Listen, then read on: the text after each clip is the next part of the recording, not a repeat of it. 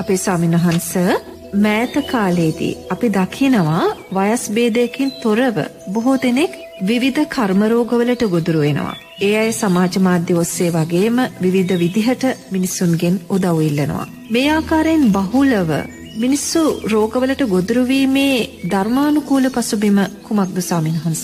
කොයි විදිහටද අපිට ඒ කාරණය පැහැදිලි කරගන්න පුළුවන්? විශේෂයෙන්ම කුඩා දරුවෝ මේ වෙන විට ඊටමත් දුර්ලභ රෝගයන්ට ගොදුරු වෙනවා. ඒ අයගේ ජීවිත යදින තත්ත්වයන්ට දෙමව්පියෝ පත් වෙනවා. අපේ ස්වාමින්වහන්ස මෙහෙම වෙන්නේ ඇයි?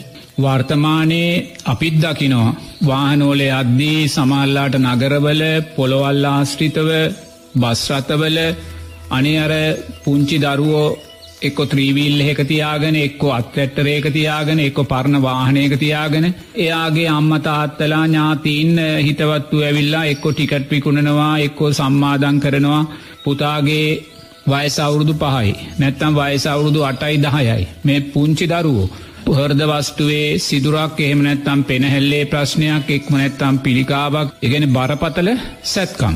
මේ සැත්කමක් සඳහා දරුවා ඉන්දියාවට අරංයන්න නැත්තං අපේ රටේ කරන්න. ලක්ෂ පණහක් කැනෝ ලක්ෂ විසි පහක් කැනෝ මේ ආදිවසයෙන් ඕන. මේක දවසින් දවස දවසින් දවස අපේ සමාජයේ වැඩිවෙන ස්භාවයක් අපි දකිනවා. එතවට දැම් මේ ප්‍රශ්නයට මං උත්තර දෙද්දී රෝගී භාවයට පත්වෙලා ඉන්න අහිංසක දරුවන්ටවත් ඒ දරුවන් නිසා පීඩාවට පත්වෙන අහිංසක අම්මතාත්තලටවත් අනේ මේ නරකක් අසාධාරණයක් එමනැත්නම් විවේචනයක් නෙමේ කරන්නේ.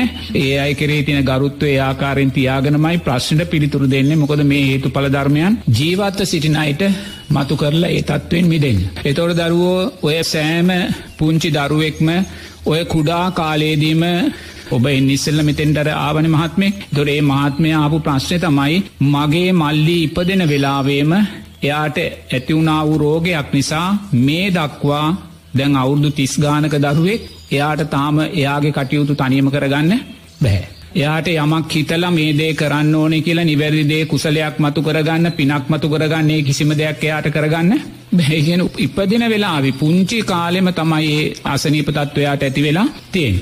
ඒ වගේ බ දරුවෝ පුංචි කාලේම අපිට එවැනි බරපතල කර්ම රෝගයන්ට අපිට ලක්වෙන සිද්ධ වෙන්නේ ඇයි පෙර ජීවිතල නෝන අපේ සීලේ දුර්වල භාවයන් නිසා. සත්ව හිංසාව මනුස්ස හිංසනය සත්වඝාතනය මනුස්සඝාතනයන් ඒ වගේම බලවත්තාකාරයෙන් ලෝබ දේශ මෝහයන් අපි වඩලා ඒවගේම මිච්චා ආජීවයන් කරලා මේවා නිසා කරගත්තා වූ අකුසලුත් ඒවගේම ආවිෂවර්ණය සැපේ බලයට අදාළව පෙරජීවිතේ දානේ දුර්වල භාවයන් නිසා සකස් කරගත්තා වූ අකුසල් සංස්කාරයන් තමයි නෝනා ඒ පුංචි කාලේදීම එවැනි දරුවන්ට මෙවැනි බරපතල රෝගාබාධ අනතුරු සකස් කරලා දෙන්න. එතෝට ඒ නිසා අපි නිරේතුරුවම එවැනි රෝගී දරුවෙක් තුළින් අපි දකින්න තියෙන්නේ එවැනි දරුවෙක් දකිද්දී අපි තුළ චිත්තයක් ඇති කරගන්න ඕනේ අනේ මේ බවගමනේ මමනං මෙවැනි තත්ත්වයකට පත්වෙන්නේ නැහැ කියලා. මොකද ඒ සෑම දරුවෙක්ම නෝනා හුඟාක් වෙලාවට පෙර ජීවිතේ මේ මනුස්ස ජීවිතයක් ගත කරපු කෙනෙක්මයි. මම ඔය වානයක අද්දි බස්සේක අද්දි මන්දැක්කොත් එහෙම එවැනි පුංචි දරුවෙක් ත්‍රීවිල්ල ඒක තියාගෙන නැත්තන් රෝධ පුටුවක තියාගනේ සැත්කමක් උදෙසා සම්මාධන් කරනවා මංගේ දරුවා තුළින් දකින්න නෝනා පෙර ජීවිතේ කෝටිපති ව්‍යාපාරිකෙක්. පෙර ජීවිතේ ඇසූ පිරූ තැන්තියෙන බොහොම ඉහල ජීවිතයක් ගත කර මනුස්සෙක්.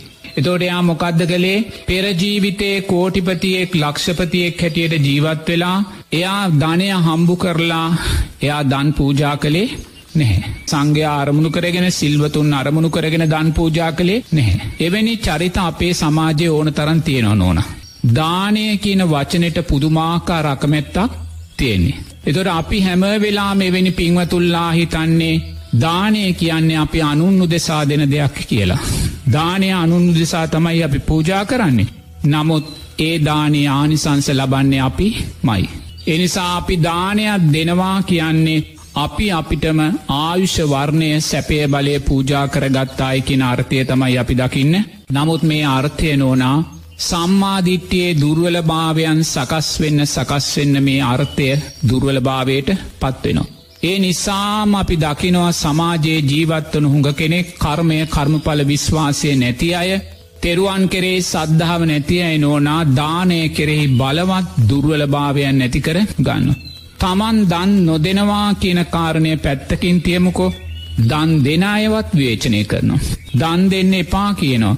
දානේ ආනිසංස නෑ කියනවා. එහෙම කියමින් ඕනා සීලේනුත් දුර්වලභාවයට පත්වෙනවා.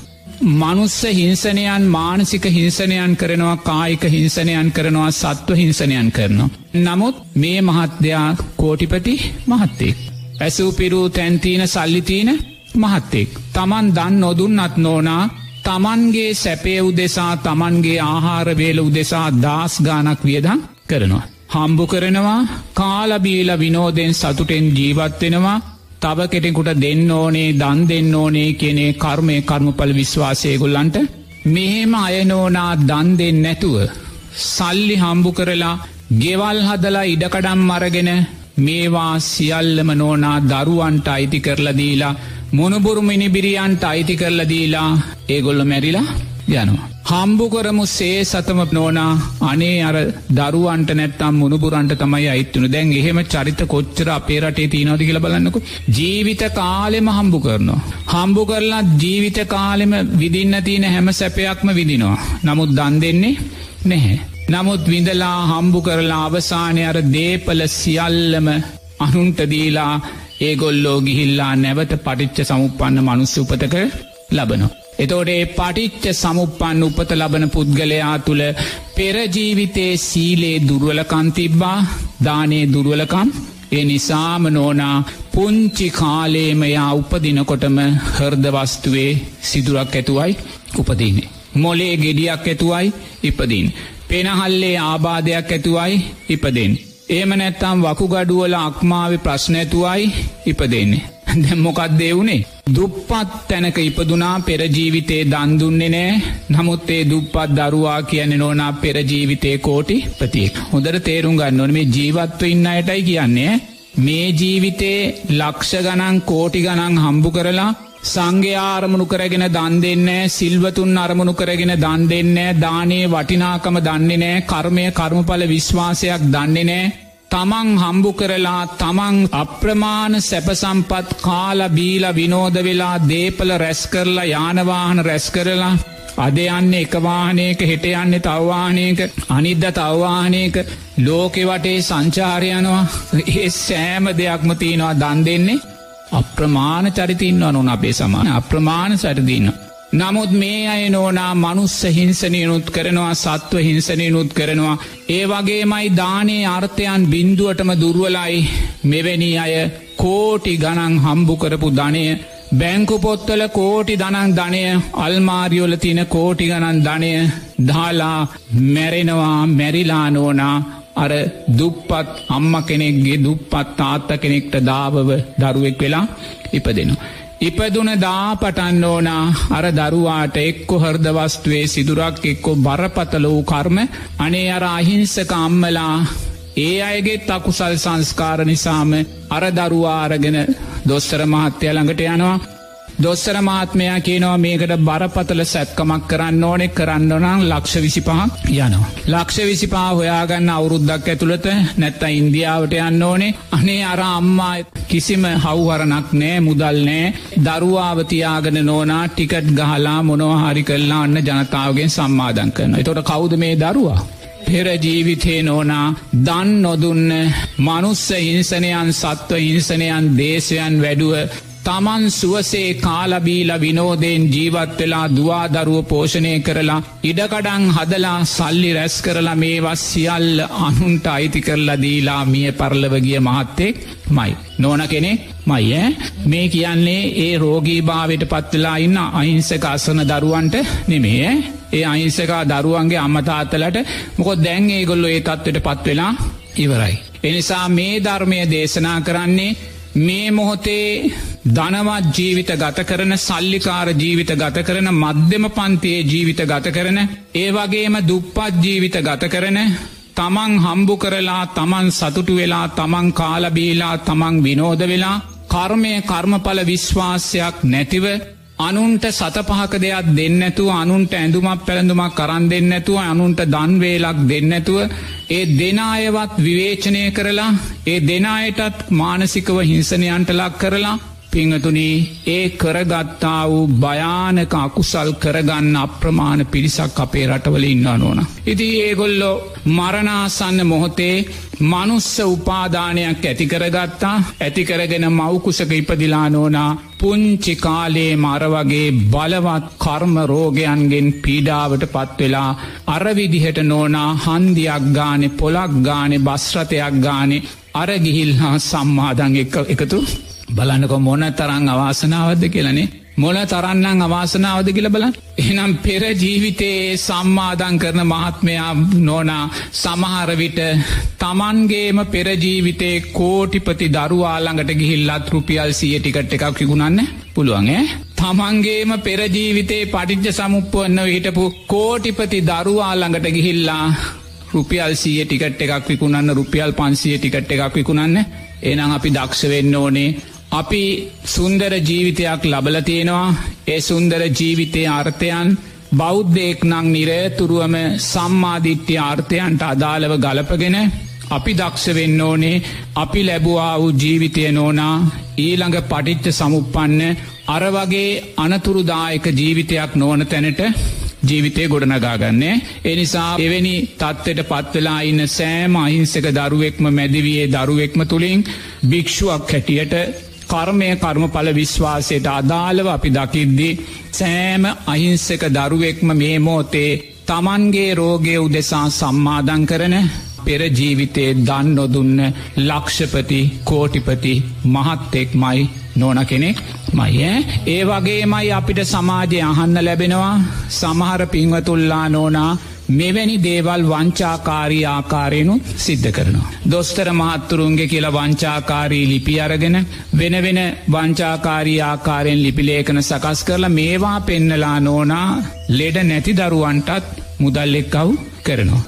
එක්කො ලෙඩේ තියන දරුවාට මුදල්ලෙක් කව් කරලා ඊට අදාළ වෛද්‍ය පාසුකන්ගේ දරුවාට ලබල දෙන්නේ ඒවා තමන්ගේ වුවමනාවන්ට යොදාගන්නවා. එනිසා එවැනි කූට වැඩ කරන වැරදි වැඩ කරනේ අහිංසක දරුවන් උපයෝගී කරගෙන තමන් ජීවිතය සරිකරගෙන ඒ පෞකාර වැඩ කොළොත් එහි දෙමාපියන් තේරුම් ගන්න ඕනේ වැඩිහිටියන් තේරුම් ගන්න ඕනේ අනිවාරෙන්ම තමන්ට ඊළඟ ලැබෙන ජීවිතයත් පුංචි කාලේම මේ වගේ බරපතල කර්ම රෝගයන්ගෙන් පීඩාවට පත්වෙන ජීවිතයක් කියන කාරණය අපි තේරුම් ගන්න. එනිසා සමාජයේ මේ ප්‍රවණතාවයන් එන්න එන්නම වැඩි. උගාක් වෙලාට මේ සම්මාධම කියන කාරණය අපි දකිනවා දරුවන්නු දෙසා මං මේ කියන්නේ එවැනි අයට සම්මාධන් නොදෙන්න කියලනෙමේ එවැනි අවශ්‍යතාවයකි තියෙන කෙනෙකුට කරුණා කල්ලා ඔබේ ශක්ති ප්‍රමාණෙන්ගේ කටයුත්ත කරන්න. එසේ නැතුව අපි හම්බු කරනදේ රැස් කරනදේ අපි අනුන්ට තැම්පත් කරලා අනුන්ට අයිති කරලා දීලා අපි ගිහිල්ලා එවැනි අවාසනාවන්ත උපතක් අපි ලබනවනන්න ඕනා ඒක අපි අපිට කරගන්නා වූ බර පතලම අසාධාරණයක් බවට පත්වෙනවා. අපේ ස්වාමින් වහන්ස කොයි තරම් පින්දහම් කළත් යම් පුද්ගලයකුගේ අවසාන මොහොත චුත්තිසිත නරක් වෙන්න පුළුවන්නේ ද අපේ ස්වාමින් වහන්ස එකැන ප්‍රතිසන්දිය වැරදි තැනක සුන්දර නොවන තැනක සිද්ධ වෙන්න පුළුවන්නේ ද අපේ ස්වාමින් වහන්ස. කොච්චර පින්කම් කළත් එයා ඒ පින කියන කාරණයෙන් අනිවාර්යම සුගතිය සාක්ෂාත් කර ගන්නවායි කියලා ධර්මානුකූලෝ අපිට කියන්න බෑ. ධර්මානුකූලෝ අපිට කියන්න බෑ. අපිට කෙනෙක්ගේ ඊළඟ ප්‍රතිසන්දිය පටිජ සෞපන්න ප්‍රතිසන්දිය සතරාපායෙන් මිදුණු සුගතියේ ප්‍රතිසන්ධයක් කියන සහතිකය අපිට දෙන්න පුළුවන් උතුම් සෝවාන් පලේ සාක්ෂාත් කරගත්ත කෙනෙකුට පමණයි ඒක තේරුම් ගන්න ඕනේ. එතෝඩේ උතුම් සෝවාන් පලේ සාක්ෂාත් කරගත්තාය කියෙන කාරණයේදී කෙනෙක් මගෙන් ඇවිල් ඇව්වොත් ස්වාමින් වහන්සේ මම උතුම් සෝවාන් පලේ සාක්ෂාත් කරගත්තා කියලා අනිනොන මමනං නිහඬව ඉන්නවා.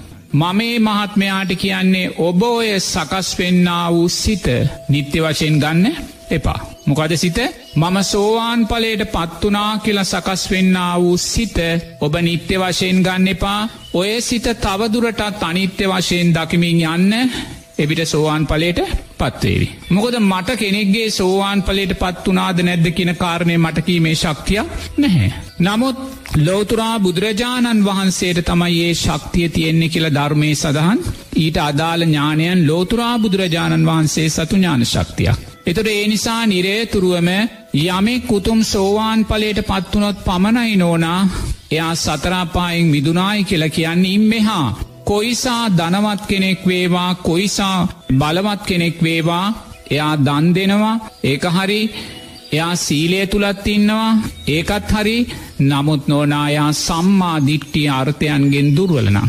තෙන්නද දැ මාර්ගයක් වැඩෙනවානි නොන දැ මේ සීලය කියන කාරණය දානය කියන කාරණය ආරෂ්ඨාංගික මාර්ගගේ මුලට නෙමේ තියන බුදුරන් වන්සේ. එන අපේ සීලය අපේ දානය පෝෂණය වීතු තැන් තියෙනවා. එතොර එනම් මාර්ගයේ මුලින්ම අපි වඩන්න මොකක්ද. සම්මා දිට්ටිය. එතොට සම්මා දිට්ටිය වඩන්නත් නිවැරදිව ඊට ඉස්සෙල්ල අදාළ පූර්වක්කෘති තියෙනවා. ඒ තමයි කල්්‍යයාන මිත්‍ර ආශ්‍රය. ඒ සද්ධර්ම සවනය බුදුරජාණන් වහන්සේ දේශනා කලා වූේ ධර්මය ශ්‍රවණය කරනවා කල්්‍යයාන මිත්‍රාශ්‍රය තුළි. ඒ ධර්මය නුවනින් මෙනෙහි කරනවා. ඒ ධර්මය නුවනින් මෙනෙහි කරල මේ චතුරාර් සත්‍යය දුක දුකට හේතුව තුෂ්නාව දුක නැතිකිරීම නැතිකිරීමේ මාර්ගය මතුකරගෙන අපි අන මාර්ගයට එනවා. එතොට දැම මේ මාර්ගය අනුපිළිවෙලින් අපි තුළ වැඩෙන් ඕනෙ නොන. තියෙන සම්මාධිට්්‍යය වැඩෙන් ඕනේ. අපි තුළ තෙරුවන් කරේ සද්ධාව ඇති වෙන්න ඕනේ. අපි තුළ කර්මය කර්මඵල විශ්වාසය ඇති වෙන්න ඕනේ. පටිච්ච සමුපන්න උපත පිළිබඳ විශ්වාසය ඇති වෙන්න ඕනේ. අපේ දානේ සීලේ ආනිසංස පිළිබඳ විශ්වාසය ඇති වෙන්න ඕන. දැන් අපේ රටේ අප්‍රමාණ පිරිස් දන් දෙෙනවා සිල්රකිනවන නොන. නමුත් ඇත්තට මේ දානය ඒ සීලය තෙරුවන් කරේ සද්ධාවෙන් පෝෂණය වෙලාද. කර්මය කර්මඵල විශ්වාසයෙන් පෝෂණය වෙලාද. නැවත පටිච්ච සමුපන්න උපතක් කියන විශ්වාසයෙන් පෝෂණය වෙලාද තමාගේ හද සාක්ෂිට තට්ටු කොල්ලහන්න. අපි දන් දෙනවා එක හරි. දානය තුළින් අපි බලාපොරොත්තු වෙන්න මොකක්ද ආයුෂය වර්ණය සැපය බලය. ඔබ මට හෙටවුදේට දානටිකක් පූජා කළත් ඔබ බලාපොරොත්තු වෙනවා ඔබට ආයුෂවර්ණය සැපය බලය. ඔබේ මියගිය අම්මතාත්තට පරලබ ජීවිතය ආයුෂවර්ණය සැපය බලය. එකන අපි තුළේ විශ්වාසය තියෙනවා. අපි තුළේ විශ්වාසය තිබ්බත් නෝනා අපි සමාජයේ ජීවත්වෙන ආවිශ්‍ය වර්ණය සැපේ බලයෙන් පිරිච්ච මනුස්සෙක් දැක්කොත් අනේ මේ දානේ පලය කියල කවදක්වත් හිතන්නේ නැහැ. අපි එතන හිතන්නේ. අපි එක්කො යාට කියනවා සමාජ අසාධාරණය කියල එක්කො කියනවයා හොරකං කරලා කියලා එක්කොකි එයා කෙරේ දේශය ඇති කරගන්නවා. නමුත් අපි දන්දීලා ආවිශ්වර්ණය සැපේ බලය ලැ ප්‍රාත්ථනා කලාට සමාජය තුළ ජීවත්වෙන ආවිශවර්ණය සැපේ බලය වැඩිය අය දැකලා සුවපත් වේවා කියල කියන්න අපි දක්ෂ නැහැ. ඒ ආවිෂ වර්ණය සැපේ බලය තුළින් ධර්මය කියන කාරණය දකින්න අපි දක්ෂ නැහැ. නමුත් අපි දන්දීලා ආවිශවර්ණය සැපේ බලය ඇයි අපි අදක්ෂ නෝනා තාම අපේ දානය කියන කාරණය තෙරුවන් කෙරේ සද්ධාවෙන් පෝෂණය වෙලා නැහැ. කර්මය කර්මඵල විශ්වාසයෙන් පෝෂණය වෙලා නැහැ සම්මාධිට්්‍යය මුල් අර්ථයන්ගෙන් පෝෂණය වෙලා දැන් සීලය බලන්නකො හැම කෙනෙක්ම පන්සිල් සමාදං වෙනවා. පන්සිල් සමාදං වුණා මෙයා තුළ විශ්වාසයක් තියෙන් ඕන. මේ සීලේ ආනිසංස මොකක්ද කියලා. මොකද සීලේ ආනිසංස අපේ ජනප්‍රියභාවය පැතිරෙනවා අපි ඕනම සභාවකට නොබීයවනනවා අපේ බෞබෝග සම්පත් ආරක්ෂා වෙනවා සිහිමුලා නොවී මැරෙනවා සුගතියේ උපදිනවා. නමුත් ඒ විශ්වාසය අපිට තියෙනවා. එක තියාගෙන තමයි අපි සිල් සමාදං වෙන්නේ. නමුත් නොන අපේ විශ්වාසය තියාගෙන සිල් සමාදං වුණත් සමාජයේ ජීවත්වෙන ජනප්‍රිය කෙනෙක් දැක්කොත් අපි ගැටෙනවා. අපි ගැටි නොයාගේ ජනප්‍රියභාවය දකින්න ඒක අහන්න ඒක වර්ණා කරන්න තව කෙනෙක් වර්ණා කරනවා දකින්න අපි කැමති නැහැ අපි ඒකට කැමති නැහැ. නමුත් අපි සිල් සමාදං වෙලා මේ ආනිසංස ලැබේවා කියලා අපි ප්‍රාත්ථනා කරනවා බලාපොරොත්තු ඇයි නෝනා අපේ සීලය තෙරුවන් කෙරේ සද්ධාවෙන් පෝෂණය වෙලා නැහැ. අපේ සීලය කර්මය කර්මඵල විශ්වාසයෙන් පෝෂණය වෙලා නැහැ. අපි සිල් සමාදං වෙලා අපි ජනප්‍රියභාවය ප්‍රාත්ථනා කරනවා වගේ ඒ ආනිසංසය ප්‍රාත්ථනා කරනවා වගේ අපි තුළ විශ්වාසයක් තියෙන් ඕනේ මේ සමාජයේ ජීවත්වෙන දේශපාලන ශේත්‍රයේ වේවා කලාශේත්‍රයේ වේවා ක්‍රීඩාශේත්‍රයේ වේවා අධ්‍යාපන ශේත්‍රයේ වේවා ජනප්‍රිය චරිත තීනවනන්න ඕනා මේ පෙර ජීවිතේ සීලේ පලයක්ම කියලා දකින්න. අපි ඒක දකින්නේ. අපි කියන්නේ අරය ඔරජන්ද දාලා අරය සල්ලියෝලින් ජනප්‍රිය වෙලා අරය මාධ්‍යයට ගිහිල ජනප්‍රිය වෙලා අරය අරගොල්ල උත්සල තියෙනවා නමුත් කර්මය කර්මඵල විශ්වාසයට අදාළව ඒ ජනප්‍රිය භාවය ගලපන්න අපි කැමති නැහැ. එහි අකමැති. අපි නෝනා තෙරුවන් කෙරෙයි සද්ධාවෙන් අපේ සීලය පෝෂණය කරගෙන නැහැ. සම්මාධිට්්‍ය ආර්ථයන් නිවැරදිව ජීවිතයට එකතු කරගෙන නැහැ. ඔබ සම්මා දිට්ටි ආර්ථයන් නිවැවිතයට එකතු කරගත්තනං. මේ මොහොතේ ඔබ මේ මුළු ලෝකේමින්න ඔබට වඩා ධනවත් සෑම ධනවතෙක්ම දැකලා ඔබට පුළුවන් වෙන්න ඕනෙ සුවපත් වේවා කියල හිතන්න අන්න සම්මාධිත්‍යය නොන. ඔබට වඩා එක රුපියලෙකින් හෝ ධනවත් ප්‍රකෝටිගානක් ජනතාවන්නවා අනේ සාදුසාදු මේ නම් පෙරජීවිතේ දානේ පලයමයි කියලා සතුටුවෙන් ඔබට පුළුවන්නන් අන සම්මාධිට්ටිය. අපේ ස්වාමින්හස දැන් මේ ප්‍රායෝගික ලෝකයේ අපේ ඇස් දෙකටම පේන දෙයක්නේ. දේශපාලනයේ නියුතු බොහෝ දෙනා ජනතාවගේ මුදල් කඩා වඩා ගන්න එක. එයින් ඒ අයගේ පෞද්ගලික උමනා එපාකම් සිද්ධ කරගන්න එක. ඒ වගේ අවස්ථාවක වුණත් අපි ඒ විදිහටම කල්පනා කිරීමට දක්ෂ විය යුතුයි නේද ස්වාමින්වහන්ස දේශපාලක්ඥයකින් ඕක ඉතින් පුතේ හතලිස් සටේ දං අපේ රට හිටියන නේද? නමුත් හැත්ත හතේ ඉදන් තත්ත්ව හොඳටම බරපතලුණා එතොරේ හැත්ත හතේ ඉදම් මේ දක්වා පුතේ දේශපාල පාලනයට ගිහිල්ලා යමෙක් ජනතාවගේ මුදලින් පෝෂණය වෙලා ජනතාවගෙදේ මේ අරගෙන කෝටිපති ප්‍රකෝටිපති කෙනෙක් වෙනවනම් පුතේ එයාත් දානේ පලයක්ම කියලා දකින්න අන ධර්මය දරු. මොකදයා හොරකං කරලා ජනතාවගේ මුදල් අරගෙන ජනතාවගෙන් ගසා කාලා ජනතාවගේ අල්ලස් අරගෙන ජනතාවගේ කොමිස් මුදල් අරගෙන එයා කෝටිපතියේ වුණා.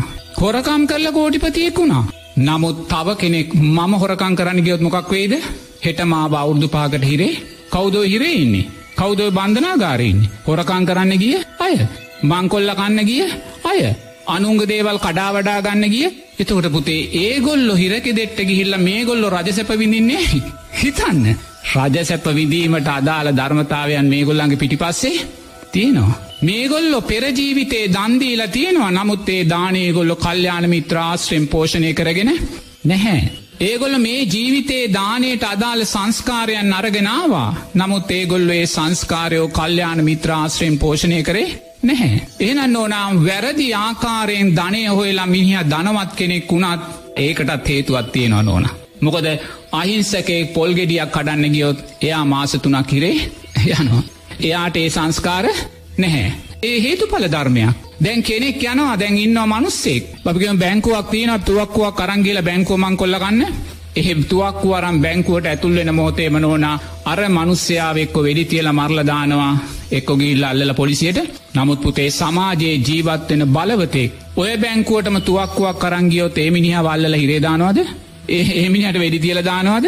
ඇයි? එයාගේ ආයුෂවර්ණය බලය. එයාගේ ආවිශවරණය සැපේ බලේ කොහින්දේක ලැබුණේ? පෙරජීවිතේ දානය නිසාමයි. එනිසා නෝනා වැරදි මාර්ගයෙන් කෝටිපතියෙක් වෙනවානං ඒ කෝටිපතියෙක් වෙන්නත් ධර්මාන්කූලව හේතුවක් තියෙන. නමුත් වැරදි මාර්ගයෙන් එයා මේ ජීවිතේ කෝටිපතියෙක් වුණා කල්්‍යාන මිත්‍රාශ්‍රය දුර්වල නිසා සීලේ දුර්වල භාවයන් නිසා එයා කෝටිපතියෙක් වුණත් නෝනා එහි විපාකයන් නිසා එයාට ඊළඟ ජීවිතේ මනුස්සෙක් වුණොත් නෝනා ගෙයක් දොරක් නැති පොල්ලතු පැලක්වත් නැති නෝනා.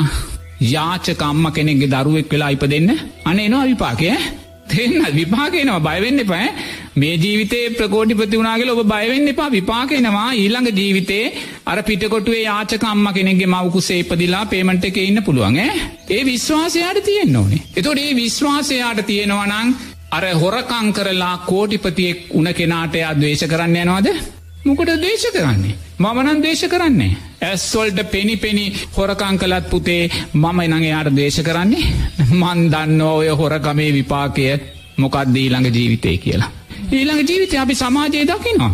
මහපාරේ අධ්‍ය අර යාචක අම්ම කෙනෙකුට තුරුල් වෙලා අර මහා වැස්සේ මහා පින්නේ මහා වූ අර පේමට් එකක් අයිනි නිදාගෙන දරුවා කියන්නේ පෙරජීවිතේ සුන්දර කෝටිපතියෙක් මයි.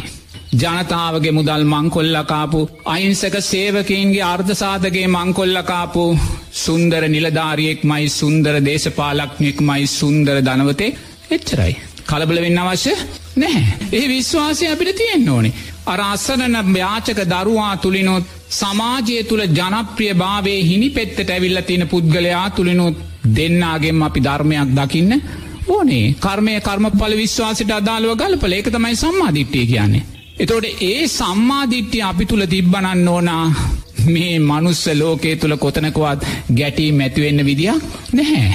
ගැටෙන්න්න විදිහක් නෑ අපි දන්නවා ධනවතා කියන්නෙත් හේතුඵල ධර්මයක් දුප්පතා කියන්නෙත් හේතුඵල ධර්මයක්. නිරෝගී පුද්ගලයා කියන්නෙත් හේතුඵල ධර්මයක් රෝගී පුද්ගලයා කියන්නෙත් හේතුඵල ධර්මයක්. එන එක්ක තැනකට ඇලිලා අනිත්තනකට ගැටෙන දෙයක් පුතේ මේකයි සුන්දර සම්මාධිට්්‍යය කියන්න. මේ සම්මාධිට්්‍යය මතු කරගන්න බෝධිසත්වයින් වහන්සේ නමක් සාරා සංක කල්ප ලක්ෂ ගානක් දසපාර්මී ධර්මයන් පුරන්න එනම් මේක එසේ මෙසේ ධර්මයක් නෙමේ. මේ ලෝක ධාතුවේ තියෙන ගැඹුරුම ධර්මතාවයයි සම්මාධිට්්‍යය තුළින් බුදුරජන් වහන්සේ අපිට මතු කරලා දෙන්නේ. එක ස්වක්කාත ගුණෙන් අපිට මතු කල්ල දෙනවා බුදුරජාණන් වහන්සේගේ සම්මා සම්බුද්ධ රාජ්‍ය අශ්‍රීමත් භාවය නිසා. එනිසා දරුවෝ නිරේතුරුවම අපි මාර්ගය වඩද්දි. අපේ දානය සීලය අර්ථයන් සම්මාධිට්්‍යිය අර්ථයන්ගෙන් පෝෂණය වෙන්න ඕන මොකද දානය සීලේ අර්ථයනු සම්මාධිට්්‍යට යදාල. තෙරුවන් කරේ සද්ධාවෙන් පෝෂණය වෙන්න ඕන කර්මය කර්මඵල විශ්වාසයෙන් පෝෂණය වෙන්න ඕනේ. අපි දන්දීලා අපි ආවිශ්වර්ණය සැපේ බලය ප්‍රාත්ථනා කරනවා. අනුන්ගේ ආවිශ්වර්ණය සැපේ බලය දකිින් අපි කැමති නැහැ. පුතේ හරි අසාධාරණයක දරුවේක.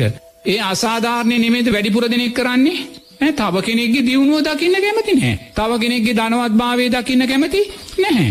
තව කෙනෙ තමන්ට වඩා ලස්සන වටිනා වාහනය කැනෝ දකින්න කැමති නැහැ. තව කෙනෙ තමන්ට වඩා ලස්සන ඇඳුමක් ආභරණ පළඳගෙන යනවා දකින්න කැමති. නමුත් තමන් දන්දීලා විශ්වර්ණය සැපේ බලය සම්මාධිට්්‍යයෙන් දානය පෝෂණය වෙලා නැහැ. සමිනස මෙතනති විශේෂ හැඟීමක් මිනිසුන් අතර උත්සන්න වෙනවා අපේ බදු මුදලින් තමයි මේ අය මේ යැපෙන්නේ මේ අය ආරක්ෂාවෙන්න කියලා. එද ඒකත් සම්මාධිට්්‍යයට දාන්න. ඔබේ බදු මුදල් අනුන් හොරකං කරන්නේ ඔබ සංසාරය හොරකං කරපු නිසා. ප්‍රශ්නයක් තියනදට සමිනහන්ස දැන්න මේ සාකච්ඡාව අහන කෙනෙක් මෙතනදී කල්පනා කරන්නට පුළුවන් අපේ ස්වාමීන් වහන්ස මේ විදිහට. එහෙමනම් මේ සියලුම අසාධාරණයන් ඉවසා දරාගෙන සිටින එකද? අපි කරන්න ඕනි කියලා මොන දේ වුණත් අපි ඒ වෙනුවෙන් බලාගෙන ඉන්න එකද කරන්න ඕන කියන කාරණය ස්වාමීන් වහන්ස. මෙහෙමයි පුතේ. මම ධර්මය දේශනා කරන්නේ සමාජ අසාධාරණය නැති කරන්න නෙමේ බුදුරජන් වහන්සේලා ලක්ෂ ගානක් පහළ වෙච්ච සමාජයක සමාජසාධනේ මම ධර්මය දේශනා කරන්න පුතේ මේකයි ලෝකය මේ ලෝකය පුතේ. දුක හැරපුතේ ගැලවීමක් නෑ කියෙන කාරණය කියල දිල ලෝකෙන් ගැලවිලා යන්න කියන කාරණය. එනිසා මම ධර්මය දේශනා කරන්න එතනයි. එනිසා මගේ දෙයක් කවුරුවරි හොරකං කරනවා නම් පුතේ ඒ හොරකං කරන්නේ මන් සංසාරයේ හොරකං කරලා තියෙන එච්චරයි.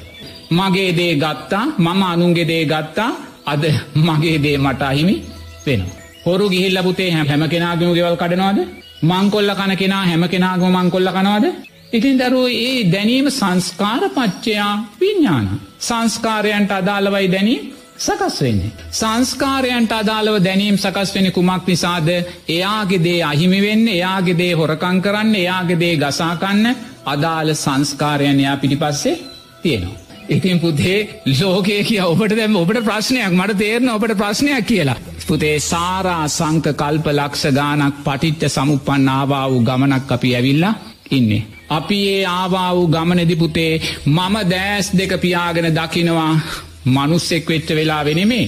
මම හරකෙක් වෙච්ච වෙලාවේ අනුන්ගේ කොටුවල්ට පැන්ලමං කොච්චර ගොයන් කන්න ඇද කොච්චර කුෂිකාර්මික දේවල් කන්න ඇද කොච්චර පොල්ගස් කන්න ඇද පුතේ කොච්චර පුවක් ගස් කන්න ඇද හොරෙන් කියලා. මම දෑස් දෙක පියාගෙන දකිනවා මං අලියෙක් වෙලා ඉපදුන වෙලාවේ මම ගම්මානවලට පැළලා අනුන්ගේ කොයි සානම් බවබෝග සම්පත් හොරෙන් කන්න ස්වාමිනහස දැන්න තිරිසන් සතුන් කියලා කියන තිරස්චීන කියන මේ සත්වයෝ අපි කල්පනා කරනව බොහෝ දෙනෙක් ඒ අයට සිතල මතල වැඩ කරන්න බැහැ කියන කාරණය. එතකට අපේ ස්වාමිනස දැන් ඒ අයගේ ක්‍රියාකාරකම්වලටත් කර්මය සකස් වෙනවාද. මොකද පුතේ ඕනෑම සත්‍යයක් පටිච්ච සම්පාදයට යතයි. ස්වාමිනහස දැන්න ප්‍රබල චේතනාවක් සහිතව ඒගොල්ලො ක්‍රියාත්මක වෙන්නේ නෑ නේද. එනිසා එහෙම චේතනාවක් සකස්වීමක් සිද්ධ වෙනවාද. චේතනාවක් සකස් වෙනවා ඒ සතාට.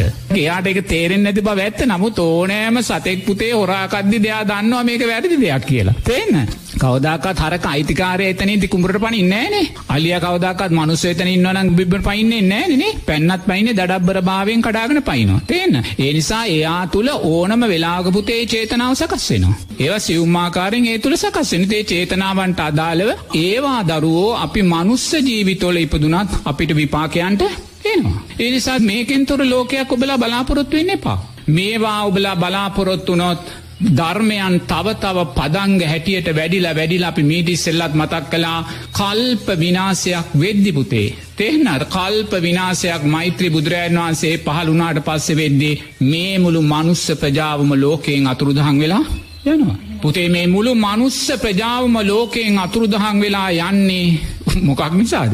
අව්ව නිසාද. හිරුවලිය රස්න නිසාද. නැහැ අකුසල් සංස්කාර නිසා. මනුස්සෙක් හැටියට උපත්තිය සකස් කරගන්න සුදුසු කුසල් ධර්මයන් තියනම් සත්‍යයෙක් මේ ලෝකධාතුව තුළ නැහැ. තුර ඒසා කුසල් කොහින්දාවේ. අපි මේ පදංග වචයෙන් රැස්කරමින් රැස්කරමින් රැස්කරමින් පටිච්ච සමුපමන්නව අපේ පිටිපස්සේ ගොඩනගෙන කුසල්. එදාට නෝනම් මනුස්සෙක් නැති ලෝකයක් බිහිවෙනවා. එදාට මේ මනුස්ස ලෝකේ ඉන්න එක්කො ප්‍රේතයෝ එක්කො භූතයෝ එක්කො කුමිසතුන් අර මහා ඉඩෝරෙට අර මහා අවුරශ්නයට ඔරොත්තු දෙන්න පුළුවන් ජීවින් තමයි ජීවත්තයෙන්. එකන මනුස්්‍යය නිවන්දකින්නේ. මනුස්්‍ය ඔක්කම ගිල්ල ආබස්සර බ්‍රහ්ම ලෝකිප දෙන්න ආබස්සර බ්‍රහ්ම ලෝකිප දෙන්න නම් පුතේ උපාදාන පච්චයා බව බවපච්චයා ජාතිගෙන ධර්මතාව සකස්වෙන්නවා. ආබස්සරා බ්‍රහ්ම ලෝපේ ඉප දෙන්න නං එයා අනිවාර්යම රූපාවචර අරූපාවචර ධ්‍යාන ශක්තිීන් උපදවාගනේ ධ්‍යාන ශක්තිීන් උපාදානය තුළයා භවේතන සකස් කර ගන්න ඕනේ. ඉතින් පුතේ එහෙනම් මොකක්ද වෙන්න මනුස්්‍යයාට. මනුස්්‍යයා සම්පූර්ණයෙන්ම අකුසලය විසින්ම නෝනා. මේ පිච්චෙන මනුෂ්‍යයෙන් අතරට වැටිලා පිච්චි පිච්චි පිච්චි පිච්චි ඉරවල් හතක පිච්චි පිච්චි මැරෙනවා අවුරදු දසදහස් ගානක් නොන. මොනවාද මේ? අකුසල්. එච්චරයි වෙන දෙයක්. එනම් බලන්න ඒ අකුසල් නෝන එක ජීවිතයකින් ආවද? මුළු මනුස්ස ප්‍රජාවම විනාස කල්ල දාන අකුසල් එක ජීවිතයෙන් ඇති වුණාද? ජීවිත දෙකද ඇති වුණාද? ජීවිත තුනකද ඇති වුණාද? කල්පයක් පුරාවට ඒ කරගත්තා වූ අප්‍රමාණ අකුසල් අවසානි විපාක දෙන්න නොනා. පුච්ච පුච්චා පුච්ච පුච්චා විපාකදීල තමයි අලුත් නැවුම් ලෝකය නැවත පටිච්ච සමුපන්නව සකස් වෙන්නේ. ඒකැන අපේ සමින සත්වයා මේ සංසාර ගමනේදී තමන් තිරස්චීන සතෙක් වෙලා ප්‍රේතෙක් වෙලා භූතෙක් වෙලා දෙවියෙක් වෙලා එවගේම බ්‍රහ්මයෙක් වෙලා රැස්කරගත්ත සංස්කාර විපාක පිණිස ඉදිරිපත් වෙනවා. එහෙමද ස්වාමීන් වහන්ස. නැතු එහෙම වෙන්න බෑනි දරු තේනද නැතු දැන් රූපාවචර රූපාවචර බ්‍රහ්මතලවල ඉද්දී එයාගේ අකුසල් සැකස්වීමක් නෑ යා වේදනාව ආස්වාදය තුළ ඉන්න තේරනාද. එතන ඉන් මෙහා දෙවියන් හැටියට මනුෂ්‍යයෙන් හැටියට සතරාපා සත්වයෙන් හැටියට තේරනාද. අපි කරගත්තා වූ අකුසල් පදංග වසයෙන් අපේ පිටිපස්ස එකතු වෙලා එකතු වෙලා පටිච්ච සමුපන්න ඕනෝන අපි දැන් හිතන්නකෝ ඉරවල් හතක් පායනවා කියන එක එක ඉරක් පායා අවුර්දු සීයක් දාහක් අද්දි දෙවනීර පායනවා. දෙවනීර පායා අවුද්දු සීයක් දාහක් ඇද්දි තුන්ගෙනීර පායන ඒ ඇන මේ ඉරවල් හත පායලා මේක විනාස වෙන්න නොන අඩු වශයෙන් අවුරදු දාදහක්වත් කාලයක් මේ තත්ත්වය තුළ ලෝකේ එහෙනන් ඕන මේසා විනාසයක් එක ජීවිතයක කලා වූ අකුසල්ලොලින් සිද්ධ වෙන්නේ නෑ මේ බද්‍ර කල්පේ මේ බුදුරජාණන් වහන්සේලා පාලුනාව බද්‍ර කල්පය තුළ කලා වූ සියලු අකුසල් නෝනා විපාකිටෙනු. එනිසා නිරේතුරුවම මේ අපි හිතනවා වගේ සුන්දර ලෝකයක් නෙමේ අපි ඉදිරියේ තියෙන්නේ. ඒ ඇන අපේ සමන් වහන්ස ඒ කාලයේදී තව තවත් පහළ වෙන්නේ අකුසල් සෙත්මයි. පුතේ දැන් එතනදී අකුසල් සිතක් කොහෙසකසෙන. නිරේ වගේ තමයි.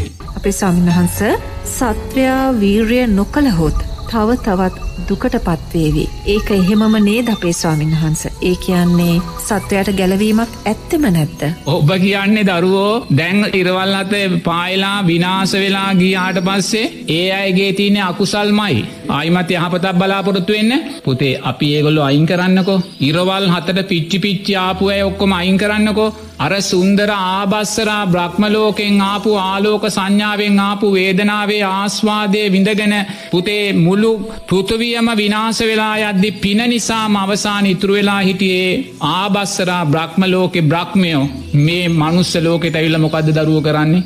අර පෘතුවයේ තියෙන අර රස්ස ඕජාව තොළගාන්න ගිහිල්ලා තුෂ්නාව වැඩිවෙලා කය ගණවෙලා පුතේ අර ආබස්සරා බ්‍රහ්ම ජීවිතවලින් බැහැර වෙලා මනුස්ස ජීවිත බවට කවුද ආබස්සරා බ්‍රහ්මලෝකයේ පුතේ වේදනාවේ ආස්වාදය තුළ ජීවත්වෙච්ච සුන්දර බ්‍රහ්මයෝ. එතොට කය ගන වෙලා ඊට පස්සේ මනුස්ස ජීවිත බවට ඒගොල්ල පත්වෙලා ඊට පස්සේ අර ඇතිවෙන්න වූ පලාවර්ග එතනින් ගියාම ඇල්හාල් එතනින් ගියාම ඒ අලුතෙන් නැවුම් පොළවේ හටගන්නා වූේ රස ඕජාවෙන් යුත් ආහාර කෙරෙයි තුෂ්නා වැතිකරගෙන අන්න මරාගන්නවා මහත්තයෝ. මරාගන්නවා. ගහගන්නවා කොටාගන්නවා.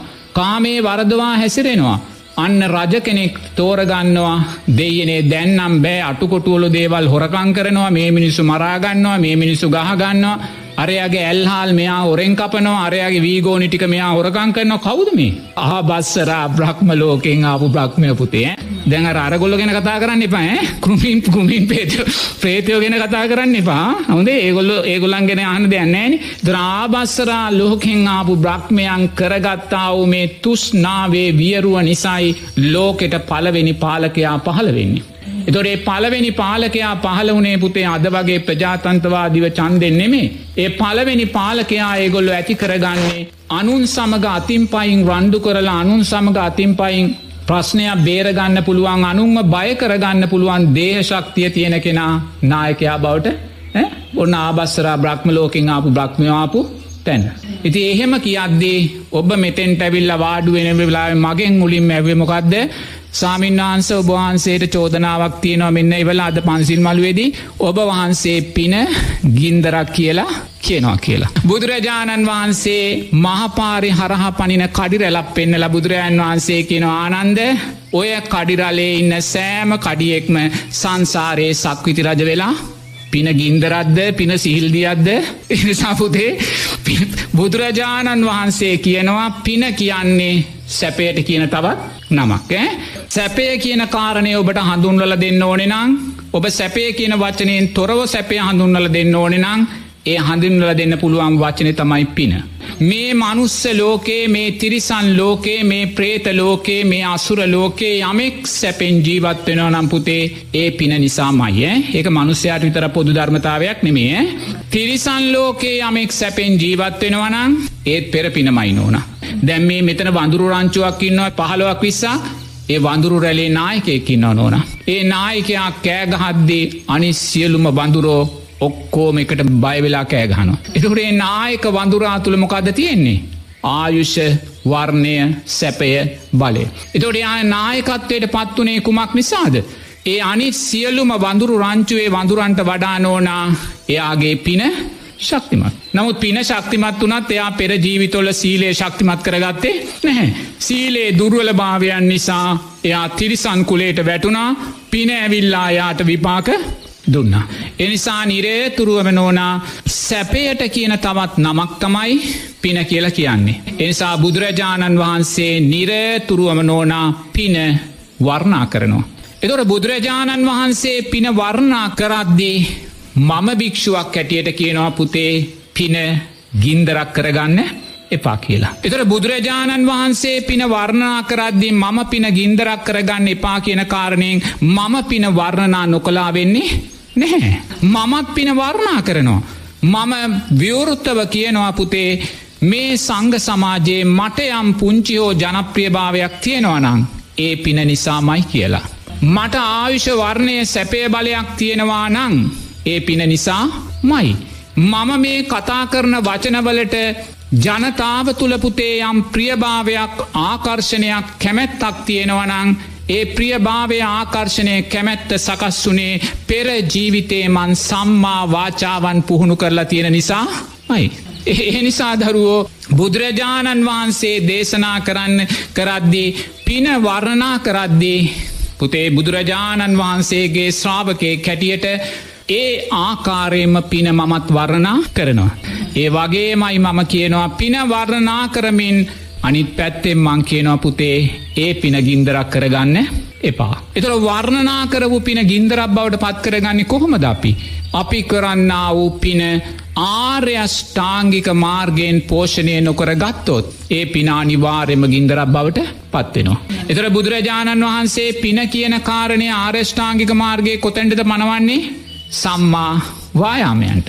එතොට කෙනෙක් කියන්න පුළුවන් නෑස්වාමින් වන්ස සම්මා දිට්ටියටත් තියනවන පින දානේ ආනිසංස සීලේ ආනිසංස ගැන බුදුරජන් වන්සේ කියනවානි පුතේ ආනිසංස ගැනයි කියන්නේ. ඒ ආනිසංස ගැනයි මුලින් බුදුරජන් වන්සේ තැදි කියන්නේ. එතකොට සැබෑ දානේ ආර්ථය ආරෂ්ඨාංගික මාර්ගයට බුදුරජන් වහන්සේ යොමු කරන්නේ සම්මාවායාමයන් තුළ. අන්නයා සම්මාධිට්්‍යය ශක්තිමත් කරනවා. එයා තෙරුවන් කරේ සද්ධාව තුළ කර්මය කර්මඵල විශ්වාසය ඇති කරගන්න. එයා පටිච්ච සමුපන්න උපත කරේ විශ්වාසය ඇති කරගන්න. එයා අම්මා තාත්තාගේ ගුණයන් කරේ විශ්වාසය ඇති කරගන්න. එයා මේ දානේ සීලේ ආනිසංස කරේ විශ්වාසය ඇති කරගන්න. අනේ දෙයනේ මටත් දෙවියෙක් බ්‍රහ්මයෙක් වෙන්න පුළුවන් කියෙන විශ්වාසය ඇති කරගන්න. මටත් මේ ජීවිතය උතුම් සෝවාන් පලේ සාක්ෂාත් කරගන්න පුළුවන් කියන ඒ විශ්වාසයන්ට තුළයි අයිති එතැදන්නේ තාම බුදුරජන් වහන්සේ මේ පින ගැනතෙන්ට පින් කරන ගැනතෙන්ට දැම්මිනෑ මේ කරුණු කෙරේ විශ්වාසය ඇති කරනවා. දෙයනේ විශ්වාසය නිසා සම්මාධිට්්‍යය කියනේ අර්ථය විශ්වාසය නිසා අන්නයා සම්මා සංකම්පයන්ට එනවා. දයනේ කර්මය කර්මඵල විශ්වාසය බුදුරජන් වහන්සේ කියල තියෙනවා. පටිච්ච සමුපන් උපත පිළිබඳ විශ්වාසය බුදුරජන් වහන්සේ කියල තියෙනවා. මේ විශ්වාසයන් ජීවිතය තුළින් අපි මතු කරගන්න නං අන්න එනවා සම්මා සංකප්පයන්ට. එයා නිරේතුරුවම අවිහිංසාාවතුළට ශක්තිමත්වෙනවා. අව්‍යාපාදය තුළ ශක්තිමත්වෙනවා. එයා නෙක්කම් මේ තුළා ලෝ බාදවේ ශමෝහයන් තුළයා ශක්තිමත් අන්න දැන්තමයි මාර්ගයා වඩන්නේ. ඒ වඩන්නේ කුමක් නිසාද සම්මා දිට්ටියේ කියල දුන්න විශ්වාසයන් නිසා. එයා සම්මා සංකප්ප වඩලා යාවිහිංසා සංකප්පා ව්‍යාපාද සංකප්ප නෙක්කම්ම සංකප්පය ජීවිතයට පුහුණු කරනවා. අන්‍යයා කේන්ති ගන්න නෑ යා දවේශ කරන්න නෑ යා අනුන්ට වචනකින්වත් හිංසා කරන්නේ නෑ එයා ලෝබ දේශ මෝහසිත් ඇතිකරගන්නේ නෑ සම්මා සංකප්පයන් තුළින් සම්මා වාචාවන්ටේනවා. එයා වචනය සංවර කරගන්නවා. මුසාපාදා පිසුනාවාචා පරුසාවාචා සම්පප්පලා පන්නයා කියන්නේ නෑමක දෙයාට දැන් කර්මය කර්මඵල විශ්වාසය තියෙනවා. එයා සම්මා කම්මන්තයන්ට එනවා පංච සීලය ආරක්ෂා කරනවා. ඊළඟට එයා සම්මා ආජීවයන්ටෙනවා. වැරදි ආජීවයන්ටයා යන්නේ නෑ පිංහතුනි නිවැරදි ආජීවයන්ටෙනවා. දැම් බලන මාර්ගංග කියක් වැඩිලද මාර්ගංග පහක් වැඩිලද. මෙන්න හයවෙනි මහර්ගංගේදි බුදුරජන් වහන්සේ කියෙනවා සම්මා වායාමෝ. මොකද සම්මා වායම්ම කියන. කරන්න වූ කුසල් තව තව ශක්තිමත්ව කරන්න. නොකලා වූ කුසල් අලුතෙන් කරන්න පටන්ගන්න. කලා වූ අකුසල්ලොල්ට යන්න එපා නොකලා වූ අකුසල් කරන්න එපා කිය. එතකොට දැන් නෝනා කුසල් කියන මොකද මේ දස කුසල් කියන සිතින් කයින් වචනයෙන් සිද්ධ කරගන්න වූ යහපත් දේ. එතොඩේ යහපත්දේ මොකක්ද කයින්කපු අපි සතුන් මරන්නෑ සොරකම් කරන්නේ කාමේ වරදවා ඇසිරෙන්නේ නැහැ. වචනයෙන් මුසාවාදා පිසුනාවාචා පරුසාවාචා සම්පප්පලාපන්ට යන්නේ නැහැ. මනසිං අපි ලෝබදේශ මෝහයන් වඩන්නේ නැහැ අලෝබාදේ චමෝහයන් තුළ ජීව එන කියන කලා වූ කුසල් තව තව ශක්තිමත් කරන්න. නොකලා වූ කුසල් අලුතෙන් කරන්න පටන් ගන්න. කලා වූ අකුසල්ලල්ට යන්න එපා නොකලා වූ අකුසල් කරන්න එපා කොහොමද කරන්න ඕනේ.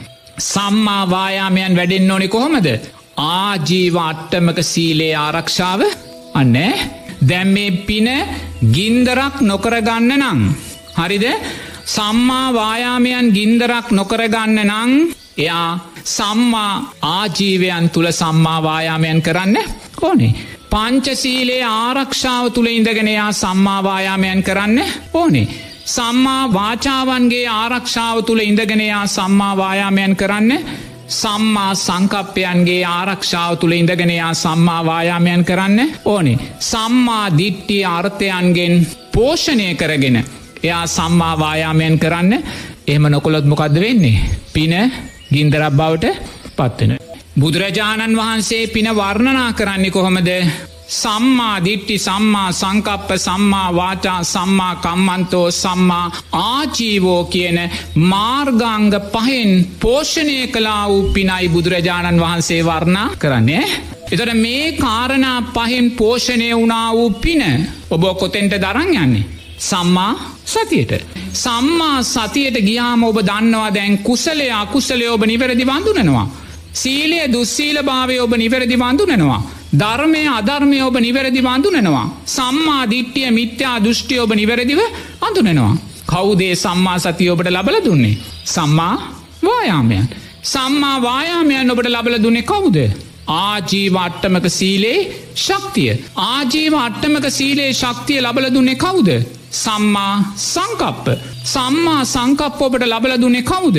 සම්මා දිට්ටිය. සම්මා දිට්ටිය ඔබට ලබල දුන්නේ කවුද. කල්්‍යයාන මිත්‍රාශ්‍රය සද්ධර්ම සවනය නුවනින් අනමාර්ගය. අන්න පින ගින්දරක් කරගන්න බුදුරජන් වහන්සේ වර්ණා කරන පින. දැන්ගේ වර්ණා කරන පින මාර්ගය තුළ ඇවිල්ලා දැන් ඔබ සම්මා සතියට ආවා. අන්න බුදුරජන් වහන්සේ වර්ණා කරන පින. ඒ පින තුළින් ඔබ කුසලේ අකුසලේ නිවැරදි වඳුන ගත්තා. සීලය දුස්සීල භාවය නිවැරදි වඳුන ගත්තා. ධර්මය අධර්මය සම්මාධිට්්‍යය මිත්‍යා දෘෂ්ටි ඔබ නිවැරදිව ඒ හඳුනගත්ත තැන නෝනා මොකක්ද ඉත්‍රි වෙලා තියෙන්නේ. සම්මා සමාධිය. එතොට සම්මා සමාධිය කියන මොකක්ද. කාමච්චන්ද ව්‍යාපාද තීනබිද්ධ උද්දච්ච කුක්ට විචිකිච්චා කියන පංච නීවරණවලින් තොර වූ සිතක් තමයි සම්මා සමාධිය කියලා.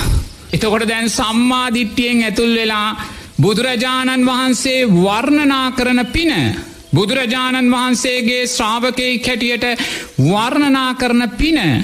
අවසානය අපි වරංආාව කොතෙන්ටද සම්මා දිට්ටි සම්මා සංකප්ප ආජීව අට්ටමක සීලේ ආරක්ෂාව තුළ සම්මා වායාමයන් ශක්තිමත් කරලා අන්න අපි සම්මා සතිතුළින් සම්මා සමාධියට එනන්න ඕනා වර්තමාන සමාජය පින ගින්දරක් කරගෙන නැත්තං. වර්තමාන සමාජයේ සෑම බෞද්ධයකුටම නෝනා සම්මා සමාධිමත් හිතක් තියෙන්න්න ඕනෙද නැද්ද? ශබ්ද නගල කියන්න? හරි තියෙනවාද? එනම් පින ගින්දරක් කරගැන්ද නැද්ද? එනම් පුතේ අපි බුදුරජාන් වහන්සේ සාාවකයෙන් හැටියට මේ නැවත නැවත කියන්නේ දරුවෝ පින ගින්දරක් කරගන්න එපා. පින සම්මා සමාධියකට අරං එන්න කියලා දරුවෝ බුදුරජාණන් වහන්සේගේ ධර්මය විකෘති කිරීමක්ද නැහැ. පින සම්මා සමාධියයට අරංආපු භික්ෂුවක් මම දරුවෝ. පෙහෙන්න මං අත්දැකීම් තුළින් ධර්මය කියන්නේ. කල්්‍යාන මිත්‍රාශ්‍රය සද්ධර්මසවනය නුවනින් මෙනෙහි කිරීම තුළ සම්මා දිට්ටියෙන් ඇතුල් වෙලා දරුවෝ ආජීව අට්ටමක සීලය සම්මා සංකප්පයන් ශක්තිමත් කරලා සම්මා වායාමයන් තුළින් පුතේ පින ගින්දරක් නොකරගෙන පින සම්මා සමාධයක් කරන්න අරංආපු භික්ෂුවක් මම. පැවිදි ජීවිතේ නෙමේ ගිහි ජීවිතේ තිම මං එතෙන්ට ජීවිතයගත් එනිසා දරුවෝ පින ගින්දරක් නොකරගත්තා කියෙන කාරණය පුතේ මගේ ජීවිතෙන් මට පූර්වාදශ්‍යී බෝන කෙනෙකුට කියන්න පුළුවන්. එනිසා එච්චර පෑදිලිව ධර්මය දේශනා කරද්දි මම පින ගින්දරක් කියන කාරණය වැරදිී කියලා කවුරුහරි කියනනම් පුතේ ඒකිතින් ඒ අහිංසකයාගේ තියෙන්න්න වූ සම්මාධිට්ටියේ දුරල භාවයක්. තේෙන්න්නද. ඒ නිසා පුතේ සුන්දර වස්සානයක් එළබෙනවා සුන්දර වස්සානයක්. වස්සානය කියන මේ ලෝකධාතුවේ සියලූම මනුස්ස ප්‍රජාව තුළින් පුතේ මේ සම්මා දිට්ටියට පත්වෙච්ච මනුස්ස ප්‍රජාව තුළින් ශක්තිමත්ම පින කුසලය වර්ධනය වෙන තුම්මාසයක්. තෙන්න. ඒ වගේම පිනට කැමති සම්‍යත් දෘෂ්ටික බලවේග දෙවියන් වේවා බ්‍රහ්මයින් වේවා අමනුස්සෙයින් වේවා සාදු සාදු කියලා තමන් කරන පින්කම්වලට අතගහලා සතුටුවෙන් නාවතුන් මාසයක්. එනිසා ඔබ තෙරුවන් කරේ සද්ධාවෙන් තෙරුවන් කරේ ගරුත්වයෙන් කර්මය කර්මඵල විශ්වාසයෙන් ඒවගේම සියතින් සකසා ප්‍රනීතව විසිතුරුව කරන්න වූ පින්කම් තුළින් සතුටු වෙන්නේ ඔබ පමණක් නෙමේ ඒ ඔබ තේරුම් ගන්න ඕනේ. ඔබ විතරක් නෙමේ සතුටු වෙන්නේ ඔබේ පන්සලේ වේවා ඔබේ ආරන්න වේවා ඔබේ ගමේ වේවා නගරේ වේවා. පිනට කැමති අප්‍රමාණ අමුණුස්සෙන් ජීවත් වෙනවා. ඔය පන්සල්වල ඔය ආරන්නේවල අතීතේ දායක දායිකාමන් වෙලා ඉඳලා අතීතයේ කටින පින්කම් කරලා මරණාසන්න මොහොතේ පන්සල උපාදානය කරගෙන ඒ පන්සලේම දේවාත්මයත් ලබල ජීවත්වෙන අප්‍රමාණ පිරිසින රුක් දෙවියන් බුම්මාටු දෙවියන් ඒවගේම අමනුස්ස කොටස් වෙලා පරදත්ත රූපජීවී ප්‍රේත කොටස් වෙලා පිනට කැමති යක්ෂ කොටස් වෙලා ඒ වගේ සස්්‍රීක දිව්‍ය තලවලෙන සුන්දර දෙවියෝ දිව්‍ය චක්කුවලින් මේවා දැකලා දිව්‍ය සෝතවලින් මේවා අහලා ප්‍රමාණ සැනසිල්ලට පත්. එනිසා ඔබ දක්ෂ වෙන්න ඔබ කරගන්නා වූ පින්කම ඔබ සතුටු වෙනවා වගේම පිනට කැමති සම්මාධිට්්‍යයට කැමති ඒ සියලූම අමනුෂ්‍ය ලෝකවල් වල ජීවත්වෙන අයත් සතුටුවෙන ආකාරයෙන් මේ පින්කම් සිද්ධ කරන්න. ඒ පින්කම මම දෑස් පියාගෙන මම හිතුනොත් මම මේ වස්තුම් මාසය මේ පින්කම් තුළින් ගෞරවනියන් සාමීන් වහන්සේලාගේ සුපටිපන්න ගුණේ උජු පටිපන්න ගුණේ ඥාය පටිපන්න ගුණේ සාමීචි පටිපන්න ගුණය ශක්තිමත් වෙන ආකාරයෙන් මං මේ පින්කම් කරනවා. ඒ වගේම සතරපේරුවේ සෑම දායක මහත්මෙක් මහත්මයක්ම ශක්තිමත් වෙන ආකාරයෙන් සම්මා සංකප්පයන් ශක්තිමත් කරගෙන සීලේ ශක්තිය ඇති කරගෙන පින ගින්දරක් කරගන්නේ නැතුව සම්මා සමාධිමත් හිතෙන් මම් පින්කම කරනවා. ඒවගේම සියලුම පිනට කැමති මේ දෙස බලාගෙන ඉන්න දෙවියන් නමනුෂ්‍යයෙන් සම්මා දිට්ටික යක්ෂයෙන් සතුටුවෙන ආකාරයෙන් මං මේ පින්කම කරනවා කියන අධිෂ්ඨානය ඇතිකරගන්න මොහොතේම නෝනා ඔබ දස දිසාවටම මෙස්සිත පැපතුරුවා වූ කෙනෙක් බවට පත්වෙනවා. දස දිසාාවටම මෙස්සිත පැතුරුව කෙනෙක් බවට පත්වෙනවා. ඒ දස දිසාාවටම පැතුරූ මෙස්සිත ඔබට තුම් මාසයක් පුරා ඉදිරියට අරං යන්න පුළුවන්නන්න ඕනා ඒක වචනකින් කියන්න බැරි අප්‍රමාණ ධර්මය ශක්තියක් කුසලේ ශක්තියක් ඔබ ජීවිතයට එකතු කරගත්ත කෙනෙ බවට පත්වෙනවා. ඒසා නිරේතුරුවම වස්සානය තුළේ උතුම් ශක්තිය ඇතිකරගෙන මනුස්ස ප්‍රජාව වගේම අමනුෂ්‍ය ප්‍රජාවත් මේ පින්කම් තුළින් සතුටුවේවා ඒ අය මේ මනුස්ස ප්‍රජාවට ආශ්‍රීවාද කරත්වා කියන පින්කම් ශක්තිමත්ව චිත්ත ඇතිකරගන්නවා වගේම කරුණා කරලා පින ගින්දරක් නං කරගන්න එපා. පින වස්සානය අවසානයේ කටින පින්කම වෙලාවේ කටින පෙරහැර වෙලාවේ කාමත් චන්දයක් ඔබ තුළ වැඩෙනවා නං. ඔබට තියෙන්නේ ඇස පිනවීමේ කැමැත්තනං කණනාසේ දිවශරීරය මනස පිනවීමේ කැමැත්තනං ඔබ ඉන්නේ කාමච්චන්දයක් ඒ කාමච්චන්දය අයිති පංචනීවරණයන්ටද සප්ත බොජ්ජංගයන්ටද පංචනීවරණයන්ට. එනිසා නිරේ තුරුවම තරඟකාරී භාවයෙන් මිදිලා අපේ ගෞරුවනය සාමීන් වහන්සේලා ගිහි පිංහ තුල්ලාට මේ ධර්මයන් කෙරෙයි පූර්වාදර්ශයන් සපේලා අපිට පුළුවන්කම තියෙනවන ඕන ආර්යෂ්ඨාංගික මාර්ගගේ මුල් මාර්ගංග සියල්ල වඩාගෙන වස්සානයේ වස්පින්කම් අවසානයේදී සම්මා සමාධිමත් හිතකින්.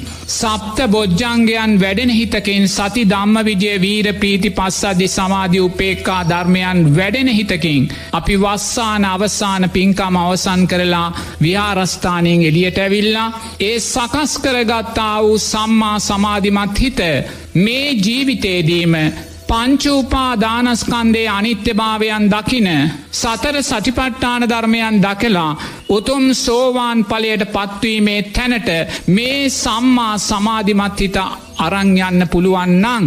ඔන්න ඔය අර්ථය තමයි බුදුරජාණන් වහන්සේ දානය වර්ණනා කරන්න වූ අර්ථය. හරිද ධානය වර්ණා කරන්නාව අර්ථය. ඉම් මෙහා නෝන අපි පින්කම් කරලා ඒ තුළින් අපි කාමච්චන්ද ව්‍යාපාද තීනමිද්ද උද්දච්චකුච්ච විචිකිච්චානං ඇති කරගන්නේ අපි ඒ පින ගින්දරක් බවට පත් කරගත්තා වෙනවේ දැම් පින්කමක් කරනවා කටින පින්කම.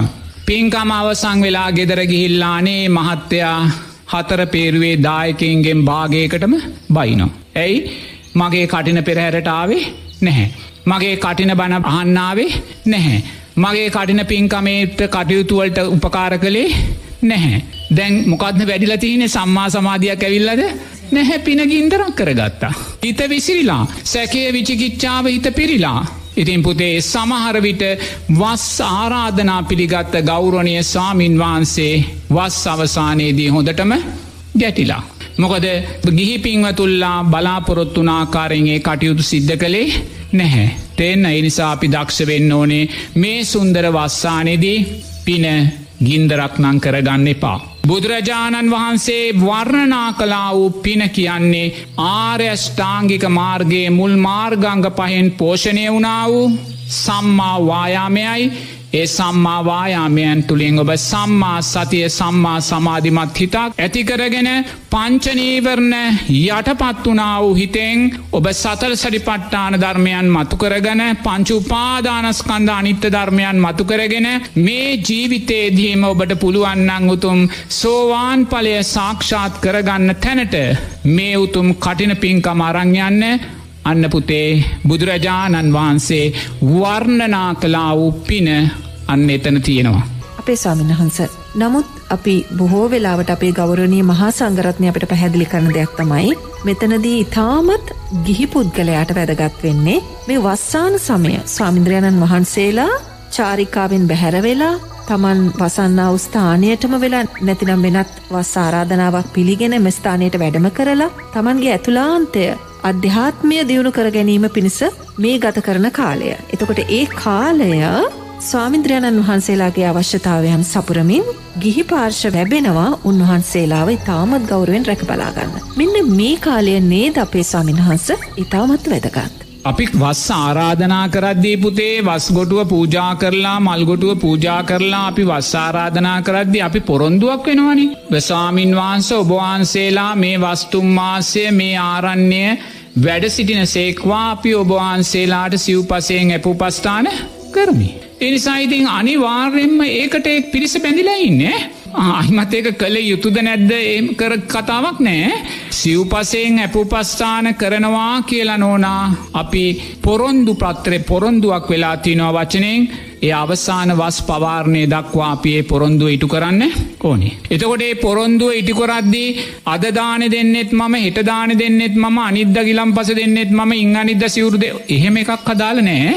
එතකොට ඔබේ පොරොන්දුව ඉටු කරන්න ඕනෙත් නෝනා සම්මා වායාමයක් හැටියට. හොදට තේරුම් ගන්න ඔබේ පොරොන්දුව ඉටු කරන්න ඕනේ සම්මා වායාමයක් හැට ඉටරන් සම්මා වායාමයක් හැටියට පොරොන්දුව ඉටුවෙන්න නං ඔබ මුල් මාර්ගංග පහින් පෝෂණය වෙන්න ඔක්කොම බදාගන්න යන්න පාය හැමෝටම බෙදල දෙන්න. ගිය වසරේ මං වස්සාරාධනා පිළිගත්තා. මොකද මන් දැක්ක එතන ඉන්න දායක පිරිසේ යම් ධර්මානකූල භාවයක්. නමුත් ඊට ඉස්සෙල්ලා මං වස් දෙකක් මගේ මතක විදිට මං වස්සාරාධනා පිළිගත්තේ නැහැ. එතොට බුදුරජන් වහන්සේ නිදහස අපිට දීලතියනවා අපි තනියම වස් අධිෂ්ඨානය කරලා අපේ වස්සාන අපි ගත කරල වස් පවාරණය කල අපි කුටියෙන් පිට වෙනවා. එතොට දැම් මගේ ගියාව අසර නෙමේ ඉට ඉස්සෙල්ල වසරේ කුටියේ කැපකරුටත් ගමේ අයටත් මංකුව පුතේ මං වස් ආරාධනයක් පිළිගන්නේ නෑ මං වස් අධිෂ්ඨානය කරලා ඔබලා ඒ කටයුතු සිද්ධ කරගන්න මට පුළුවන් ශක්ති ප්‍රමාණයෙන් මං ඔබලාට ආරෂ්ඨාංගික මාර්ගගේ විදශනා මාර්ගගේ වැඩෙනාකාරගේ පින්කම් සිද්ධ කරල දෙනවා කියලා මට පුළුවන් උපරිමයෙන් මංගේ පින්කම් සිද්ධ කරලා කුටියෙන් පිරවෙලා ආව. එතොට ඇයි දරුවෝ මං ඒ වස්සාන දෙකක් මං වස්සාරාධනා පිළිගත්ත නැත්තේ. පුතේ ඊට ඉස්සෙල්ලා කරපු වස් පින්කම් ඒ තරම්ම සක්කායි දිට්ටියෙන් පිරුණාව පින්කම් පුතේ. චීවරයක් හැටියටවත් පුතේ මට පිළිගන්න මං හිතේ කැමැත්තක් තිබෙනෑ මොකොද දරුවෝ ඒ චීවරය උදෙසා. පුතේ අනුන්ගෙන් නූල්පටක දෙයක්වත් එකතු කරන්නේ නැහැ. අනුන්ගෙන් සත පහක දෙයක් ගන්න කැමති නැහැ. තනියම හදලා තනියම ගොතල පුතේ සක්කාය දිට්ටියේ සිවරක් ගෙනල් අපිට පූජ කරන තොට අපි වස්ටීවරයක් හැටියට නෙම පිළිගන්න. අපිට වස්ටීවරයක් හැටියට පිළිගන්න බෑ එතන අදාල සංඝයා නෑන නේද? එක සාමාන්‍ය චීවරයක්. නමුත්තේ සාමාන්‍ය චීවරයක් හැටියටත් ගත්තත් පුතේ ඒ ගන්නේ දෙයනේ මේක සක්කාය දිට්ටියේ සිවරක් කියන අදහස හිතේ එද්දිපුතේ මොන්න තේරුමක් නැති වැඩක්ද කියලා මට තේරෙනවා. සමහරුමං වස්සාරාධනා වස් පිළි අරන්තියන පුතේ කොළඹේදං කිලෝමීටර් දෙසියක් හිතර ඇත වස් පිළිගත්තා නමුත් පුතේ චීවරේ වන්න කොළඹ කෙනෙක්. අර අයින්සක ගමේ මිනිස්සුන්ටේ අවස්ථාව මන්තීරණය කරලා තියන්නේ සුදුසු නැති තැනක් නං පස් පිළිගන්නේ නෑ මම තනියම වස් අධිෂ්ඨානය කොන මට අවශ්‍යනෑ පුතේ අප්‍රමාණ පිරිසකට අප්‍රමාණ අකුසලයක් කරලා දෙන්. ද අවසාන පින්කම වෙලාවෙ මං ගමේ අයට එන්න කියලා එකසිය පණහක්ක තෙන්ටාව. පුතේ එක්කනෙක් විතරක් අර කිසිම කෙනෙක්ගේ උපකාරකින් තොරුව චීවරයක් පූජා කරද්දි අනේ අර අහිංසකයෝ කොයිසා අසරණ වෙනොත් මහත්තයෝ. මේ පන්සිල් මලුව ප්‍රචාරය වෙද්දී අනිවාර්යෙන්ම වස් සමාදං වෙලා මාසයක් ගිහිල්ලා. නමුත් මට හොඳටම විශ්වාසයි පුතේ මේ වස්සානයක් මොකද මංගොබලාට මේ පන්සිල් මලුව දෙන්නේ වස්කොල්ට යන්න ඉස්සෙල්ලා. එනිසා මේ වස්සානයත් මං වස් ආරාධනකින් තොරවයි වස් අධිෂ්ඨානය කරන්න. මොකොද ඒ තරම්ම පුතේ අපි කරන පින්කාං සම්මා වායාමයක් බවට අපි පත් කරගන්නේ නැහැ. ඒ පින්කම් සම්මා දිට්ටි සම්මා සංකප්ප සම්මා වාචා කම්මන්තෝ ආජීවයන්ගෙන් පෝෂණය කරගන්නේ ඒ නිසා මේ එකම පින්කමක්වත් අපිට සම්මා සමාධයක් තාම ඇති කරලා දීලා නැහැ. අපි තාමත් හොයනවා කොහොමද මේ හිත සංසුන් කරගන්න කියලා. අපි තාමත් හොයනවා කොහොමද ආශ්වාස ප්‍රාශ්වාසයට හිත පිහිටන්න කියලා. අපි තාමත් පොහොයෙනවා. ඔබම දැන් ඇහුවා සෝවාන් පලට පත් වනාටද පස්සේ පස්තුනාට පස්සේද සතරසරි පට්ටාන ධර්මයන්? ඇයි පුතේ? මෙච්චර සුන්දර පින්කම් කරලා අපි ජීවිතයට ගත්තේ සක්කාය දිට්ටිය විතරක් මයි. සම්මා සමාධිය ගත්තෙනෑ ඒ ඇයි? පින ගින්දරක් බවට? බලන්නකො එනම් මං විවෘත්තව කියනා පුතේ අපේ රටේ පින්කම්මොලින් බහුතරය පින ගින්දරක් බවට පත් කරගන්න පින්කම්මොකොද සම්මා සමාධයක් කරායේ පින්කං අරංයන්නේ නැහැ. සමාවෙන් අපේ ස්වාමින් වහන්ස අපි දකින දෙයක් තමයි වර්තමානයේ සිද්ධ වන මේ කටින පින්කම්වලින් සිද්ධ වෙන්නේ තව තවත් මමත්වය කියන එක දැඩිවෙන එක. ඒක එහෙමද ස්වාමින් වහන්ස. පුතේ නොදැනුවත් භාවේ දරුවෝ. තේනත් කල්්‍යාන මිත්‍රාසේ සද්ධර්මස වනේ නුවනින් මෙනේ කිරීමේ දුර්වල අනේ අසරණයට අපි අනුකම්පා කරන්න ඕන. තිේන්න. ඒ අනුකම්පා කරන නිසයි අපිත් ගිල්ල වස් සමාදන් වෙලා අනේ දෙයනේ අපිට කරන්න පුළුවන් උපරිමෙන්ම අපි කරනවා. කවදක්වත් විදර්ශනාවක් ගැන නොකයා කවදක්වත් උදේ දානේ පින් අනුමෝදන් කිරීමේ මන් නවත්තන්නේ නැහැ තේන්න අපිට කරන්න පුළුවන් උපරිමදේ අපි කරනවා ඇයි ඔබලා ඔබලාට කරන්න තියෙන උපරිමදේ ඔබලා නොකරගන්නේ. මම උදේ පින්ඩ පාතෙ මඩුවට සම්මා සමාධිමත් හිතෙන් ගිහිල්ලා. මං ඔබලාට පින්ඩ පාති සියලු කටයුතු කරලා සම්මා සමාධිමත් හිතෙන් නැවත කුටියට එනවනං. ඇයි ඔබලා සම්මා සමාධිමත් හිතෙන් තොරෝ නැවත ගෙදරට යන්නේ. ඇයි ඔබලා සම්මා සමාධියෙන් තොරවෝය බස්සානය අවසාන කටින පින්කම අවසන් කරලා ගෙදරට නොයන්නේ. ඔබ ආර්යෂ්ඨාංගික මාර්ගෙන් පෝෂණය කරගත්තේ නැහැ. අනේ මේ සියලු සංස්කාරයෝ අනිත්‍යයි කියල ඔබ දැක්කේ නැහැ. ඔබ කරන්න වූ පින තව කෙනෙකුට කොටසත් දීලපුතේ ඔහු තුළිනොත් පිනක් රැස් කරගන්න ඔබ දක්ෂ නැහැ. ඒ සියල්ල සකස් වනේ ඇයි කල්්‍යාන මිත්‍රාශ්‍රය සද්ධර්මස්වනය නුවනින් මෙනෙහි කිරීම දුර්වලයි. අපේ ස්වාමින්ද්‍රයණන් වහන්ස වස්සානයේ වස් පින්කමක් සංවිධහන කරත්ති. මම වස් පින්කමක් සිද්ධ කරගන්න ඕනේ කියලා අපි කල්පනා කරත්ති. අපි අනිවාරයෙන්ම ඒ පිළිබඳ හොඳ අවබෝධයක් ඇතිවම සිද්ධ කළ යුතු විනේ ද අපේ ස්වාමින් වහන්ස. වස්සානයේ වස්පින්කම් කරද්දී එක දෙයක් තේරුම් ගන්න ඕන දරුවෝ මොකද මේ ජීවිතේ ඔබ සෝවාන් පලට පත් වනත් තව ආත්ම භාව හතක් සමහරවිට අපිට යන්න වෙන්න පුළුවන්.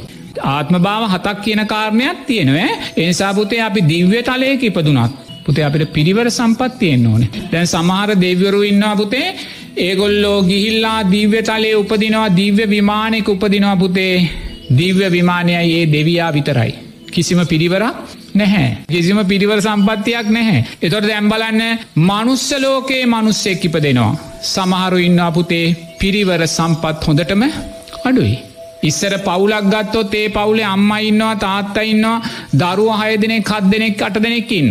ඒවගේ මුළු පවුලම ගත්තොත් නොනා සමහරුවට එකසේ පනහක් විතර ඔක්කොමන අද පුතේ පවුලක අම්මයි තාත්තයි දරුවහත්තර දෙනයි ගත්තත් මුළු පවුලෙම විස්සක්වත් නැහැ. පිරිවර සම්පත් හොඳටම අඩුයි. එතෝට මේ පිරිවර සම්පත් අඩුවෙන්න මොකක්ද හේතුව ඒකත් හේතුඵල ධර්මයක් අද පවුල්වල තියෙන්න්න වූ ඒ ප්‍රමාණාත්මකව භාවය අඩුවෙනවා ඒ හේතුවන් සකස් වෙන්නේ නෝනා පෙර ජීවිතය අපි හවුලේ පින්කම් කරලා නැහැ. හවුලේ පින්කම් කරේ නෑ බදාගන පින්කං කරනවා. එනිසාදෝය දේශපාලනය කරන පිංහතුල්ලා බලන්නකෝ ඒගොල්ල චන්දෙට ගිහාම නෝනා මනාප ලක්ෂ ගණන් ගන්නවා. සමහරු ඉන්නවා මනාප මන්දහක්කොත එයාට ගන්න බැහැ. එතොට මනාප චන්ද ලක්ෂ ගණන් අරගෙනයා පලවෙනිය දෙවනිය තුන්වෙනිය වෙන්නේ ඇයි. එකට එක හේතුවක් තමයි නෝනා පෙර ජීවිතයා තෙන්නාද.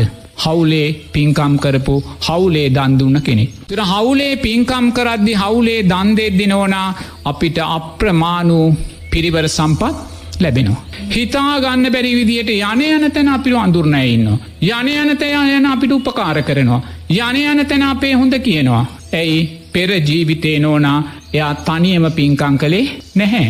තනියම දන්දුන්නේ නැහැ. එයා හැමෝම හවුල් කරගත්තා. තමන් කටින පින්කමක් කරනවනං නොනා එහෙ කටින පින්කම සාර්ථක පින්කමක් බවට අවසානි පත් වෙන්න අනිවාර්යෙන්ම නෝනා තමන්ගේ පින්කම හැමෝම සම්බන්ධ කරගෙන කරන්න. සැමෝම සම්බන්ධ කරන ඒක අදහුඟක් අඩුයි.